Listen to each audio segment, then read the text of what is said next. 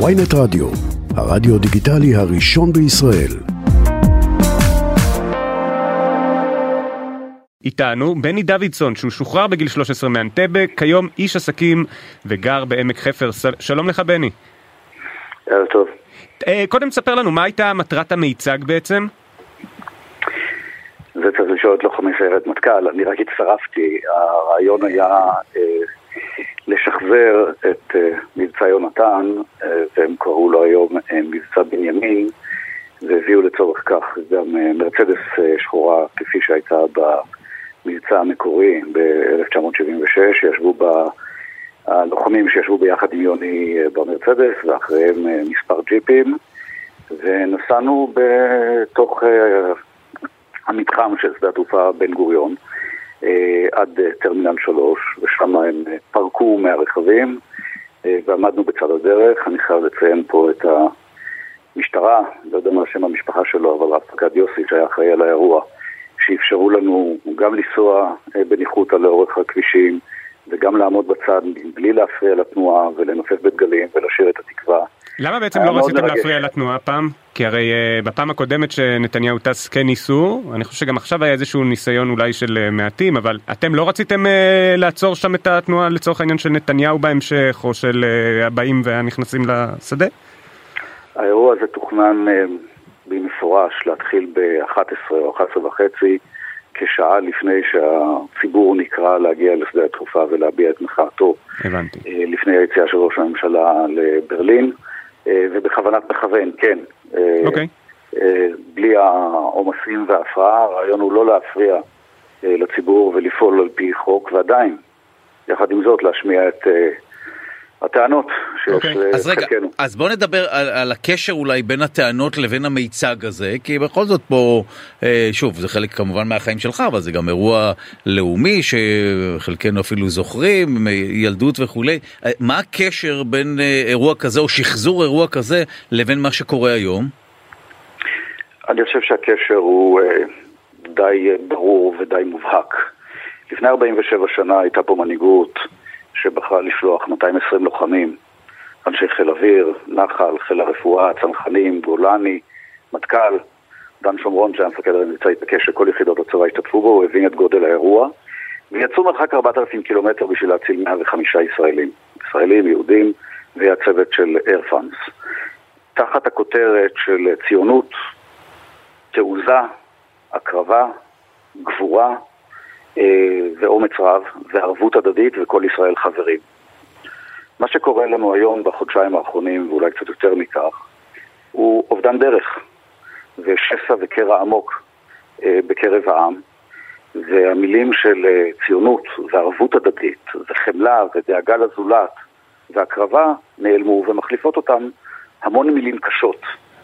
בהמון ערוצי תקשורת. Okay, אה, זו, זו ביקורת מעניינת כי היא ביקורת לא בהכרח ישירות על הרפורמה המשפטית, אלא ביקורת באופן כללי על מה שקורה במדינה. תראה, אני מדבר בשם עצמי, אני לא מייצג אף אחד. לא, לא, בסדר, זה עצמי. מעניין אותי מאוד לשמוע מה אתה אומר.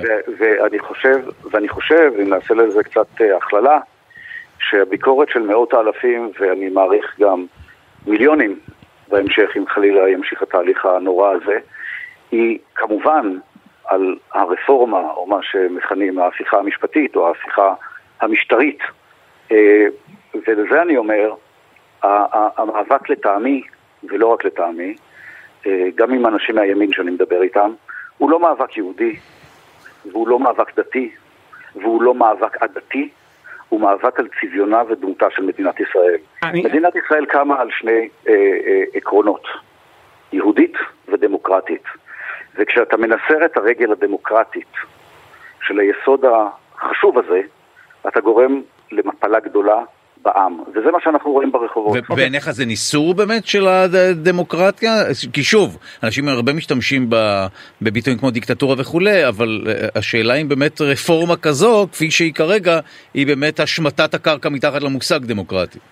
אני חושב, אה, אני, אני, אני מנסה באמת להתבטא בצורה מאוד... Uh, נינוחה עד כמה שניתן, למרות שאני מאוד סוער ומאוד נרגש ביום הזה לפגוש את האנשים שהצילו את חיי. אה, נכון, האמת שזה מרגש, וואו, כן. זה אירוע בהחלט אה, מטלטל, אני נכון. משנת ה-40, מלפני שבע שנים, מסתובב בארץ ובעולם ומספר את סיפורי.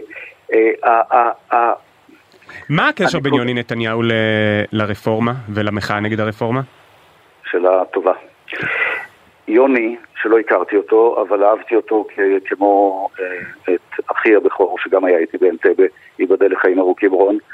קראתי את הספרים שלו, דיברתי עם אה, כל החיילים שהיו איתו, אה, כמובן עם בת זוגו, ולמדתי כל מה שאפשר ללמוד עליו. ממה שאני מבין, הוא היה אישיות ערכית יוצאת דופן, מפקד ומנהיג דגול.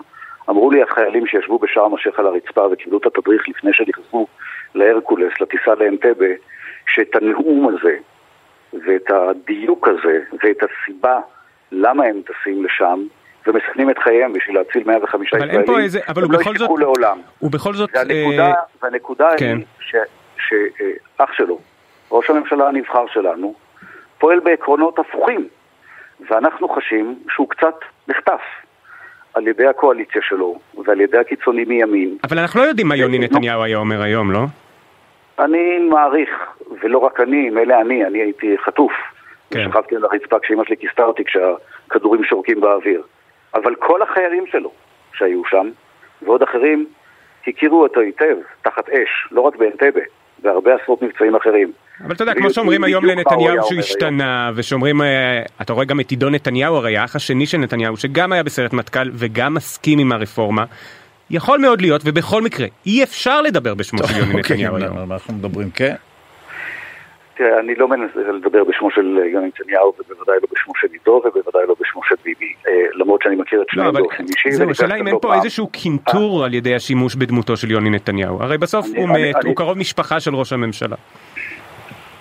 אני לא רואה בזה קינטור, אין ספק שזה צעד אה, מרחיק לכת, והוא בא בתגובה לצעדים מאוד מרחיקי לכת שהממשלה הזאת עושה, ולא סתם מאות אלפים יוצאים לרחובות. לא סתם.